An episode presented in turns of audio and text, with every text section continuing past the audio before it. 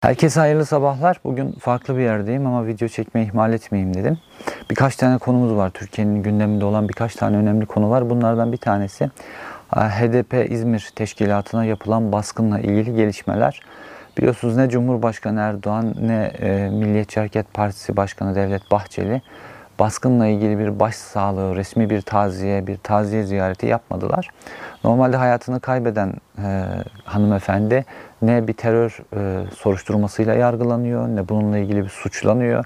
Tamamen masum Türkiye Cumhuriyeti vatandaşı ve legal olarak Türkiye Cumhuriyeti'nde faaliyet gösteren bir parti teşkilatında hatta annesinin yerine giderek bir günlüğüne çalışmak istemiş ve bu sebeple hayatını kaybetti. Kendisiyle ilgili hiçbir soruşturma yok. Buna rağmen ne Cumhurbaşkanı ne hükümet ortağı bununla ilgili bir başsağlığı mesajı dilemediler. Biz bu benzer durumu Suruç saldırısında ve Ankara Gar katliamında gördük. Tayyip Erdoğan da neredeyse bu e, saldırılara sahiplenen bir tavır sergiledi. Saldırılarda hayatını kaybeden ailelerle dayanışmadı. Bunlara ilişkin bir adım atmadı, ziyaretlerine gitmedi.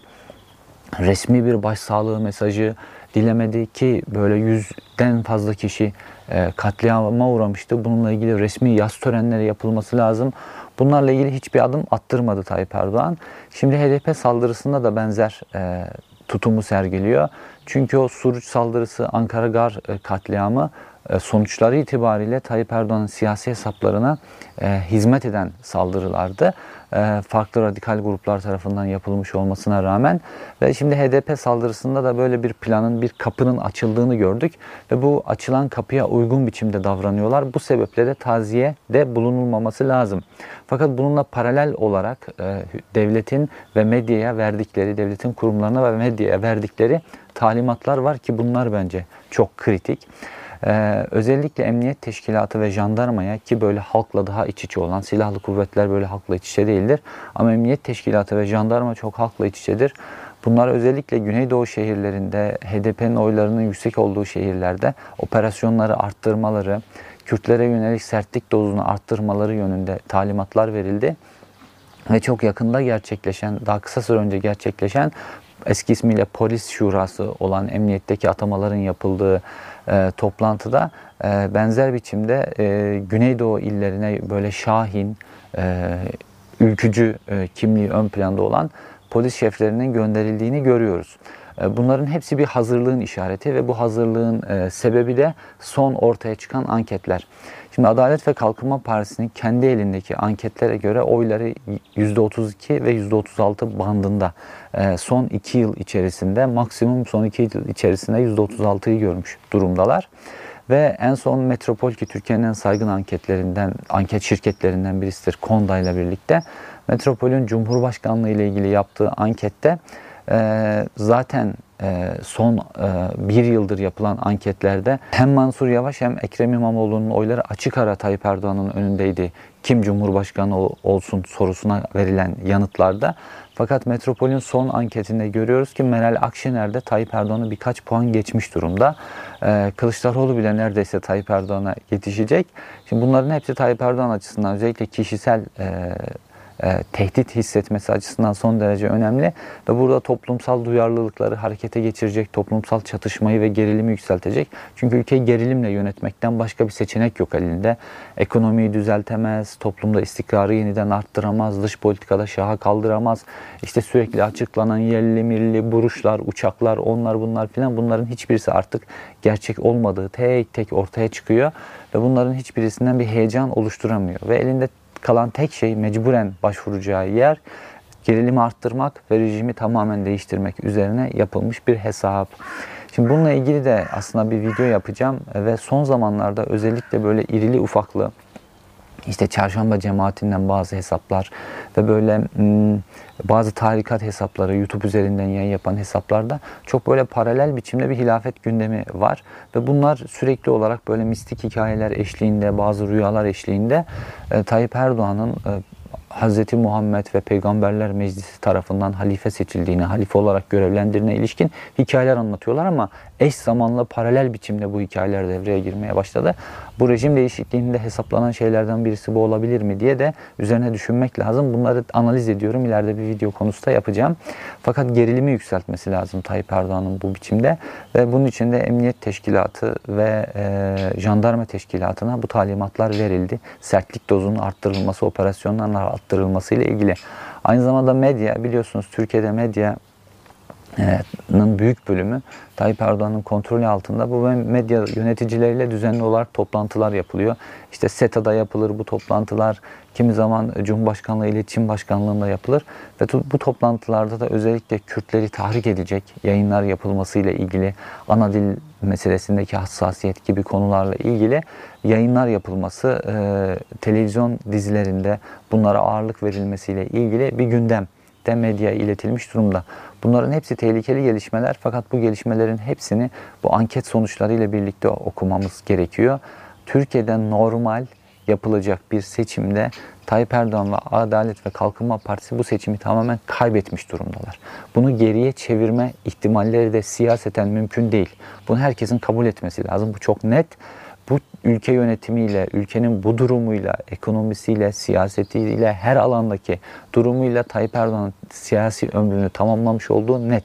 Seçimleri kaybedecekler ve bunu geriye çevirme işlemini son birkaç seçimde gördüğümüz gibi Tayyip Erdoğan seçimleri artık siyaset sahnesinde kazanmıyor.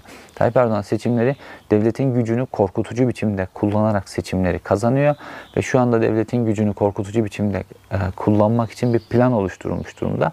Kürt meselesi bunun anlaşılan ilk ayağı. Bunun sonrasında başka toplumsal kesimleri tahrik etmek, mesela Aleviler olabilir. Bununla ilgili adımların geleceğini göreceğiz. 2022-2023'e giden süreçte bu gerilimin, tansiyonun giderek yükseltileceğini göreceğiz. Açılmış HDP'yi kapatma davası elle tutulan bir koz bu gerilimi tam böyle patlatıp benzine, e, yangına benzin dökme noktasına geldiği zaman yapılacak bir şey. Toplumsal gerilimi her alanda arttırıyor Tayyip Erdoğan. Bir taraftan da hazırlıklar yapıyor. İşte hesapta olmayan şeylerden bir tanesi Sedat Peker'in bu çıkışıydı.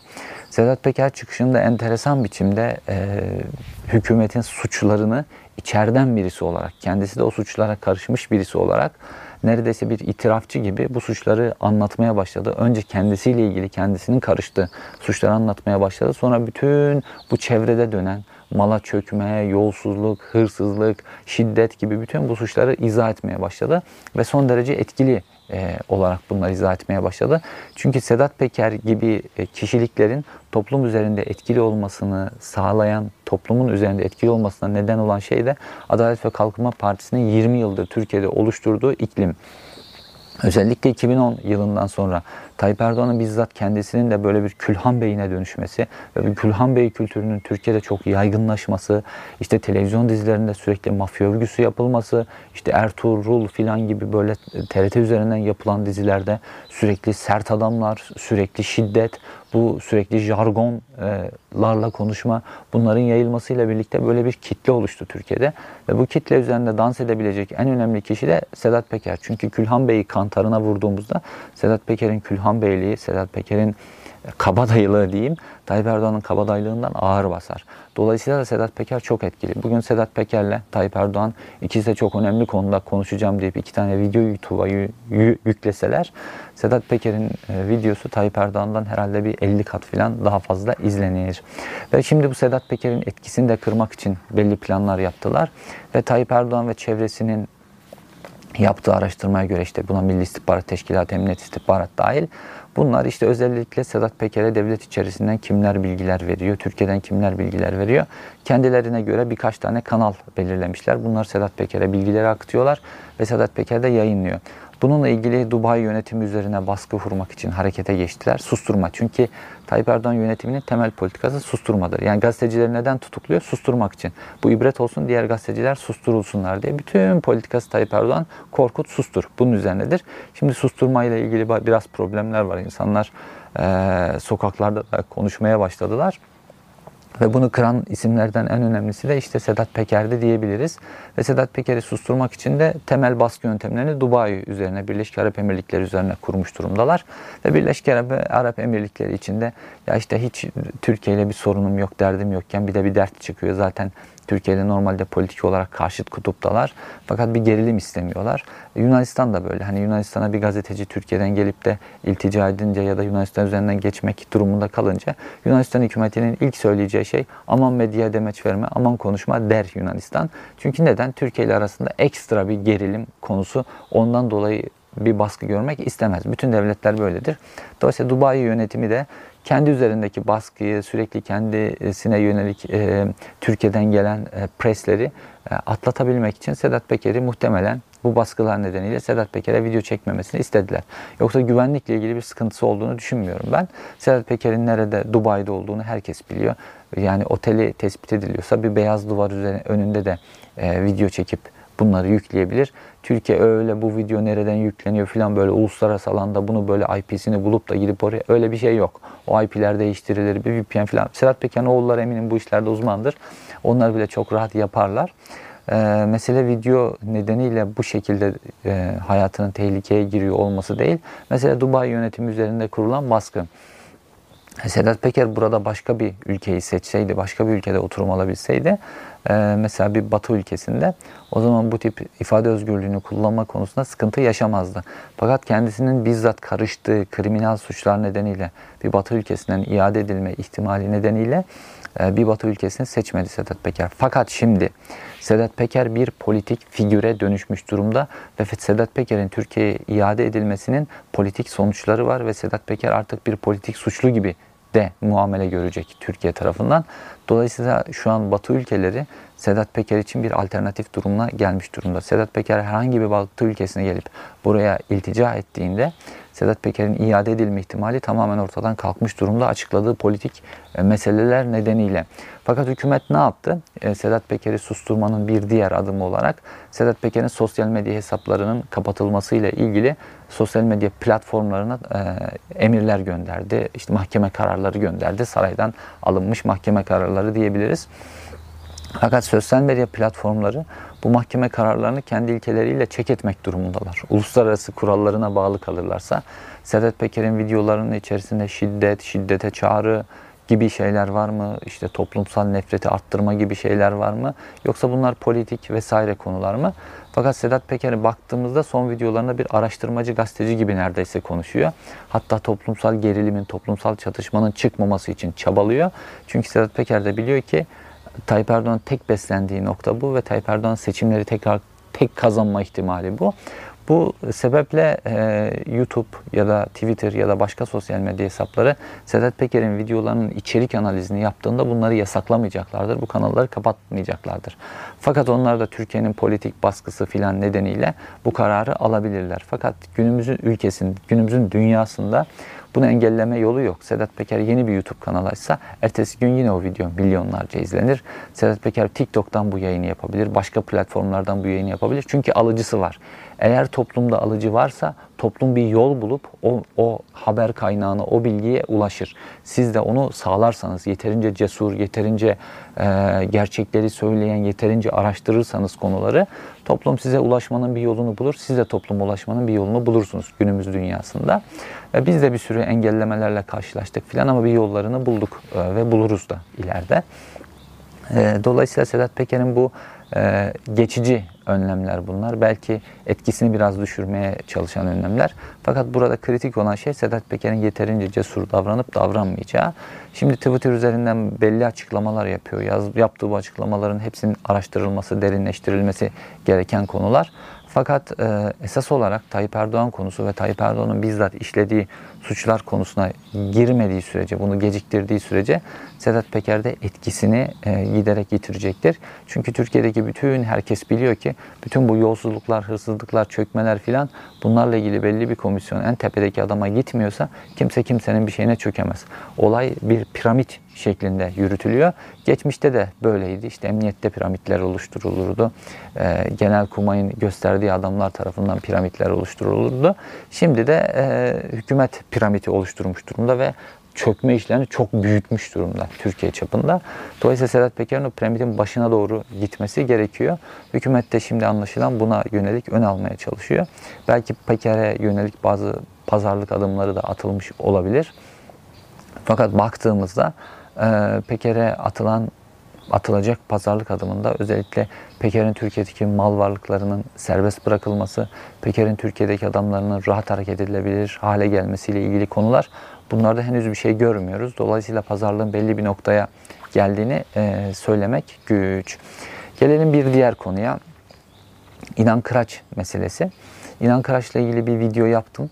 Sezgin Baran Korkmaz'ın işte Türkiye'de bütün işleri böyle rayında giderken Tayyip Erdoğan'la çok samimiyken Amerika'dan da Kingston kardeşlerin bir sürü parasını Türkiye'ye getirmişken bir anda ne oldu da Sezgin Baran Korkmaz'ın böyle su içse yarayan Sezgin Baran Korkmaz için her şey tersine döndü ve ülkeyi terk etti. Bu sorunun e, peşine düşmüştüm. Ve burada karşımıza çıkan şey Sezgin Baran Korkmaz'la İnan Kıraç arasındaki çatışma.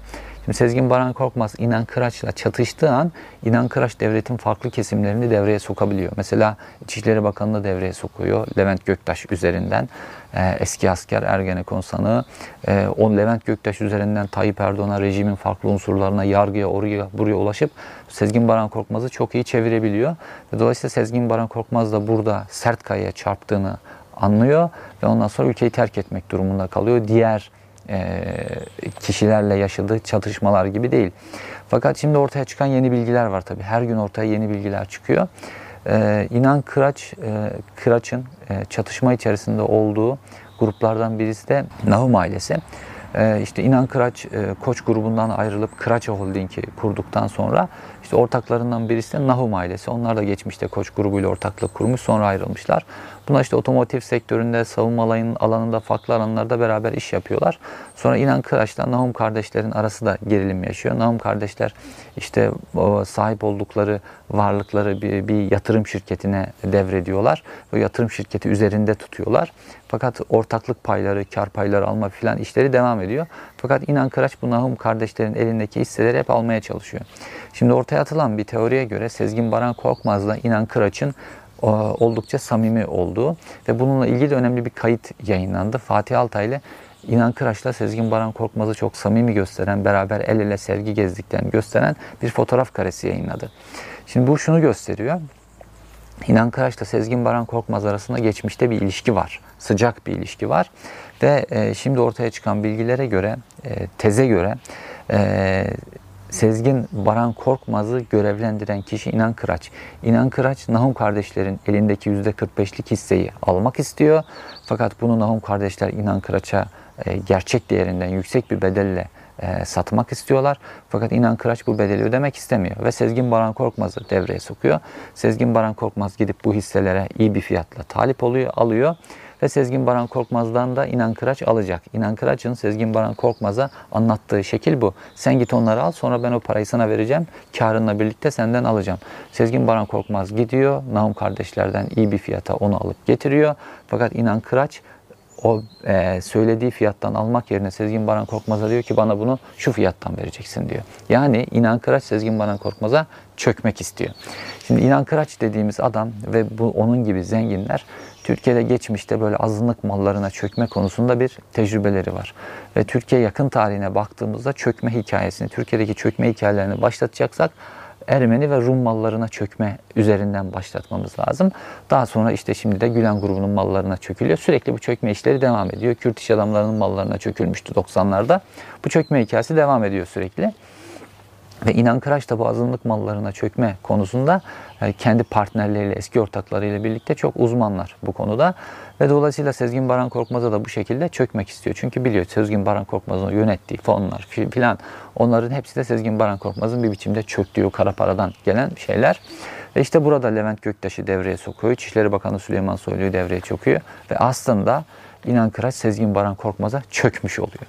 Ee, yani Sezgin Baran Korkmaz e, İnan Kıraç'a değil, İnan Kıraç Sezgin Baran Korkmaz'a çökmüş oluyor. Çünkü o daha uzman bu konuda ve devletin bütün mekanizmalarını derin, sağcısı, solcusu bütün mekanizmalarını kullanabilecek bağlantıları olan Türkiye'nin en derin isimlerinden bir tanesi Sezgin Baran Korkmaz.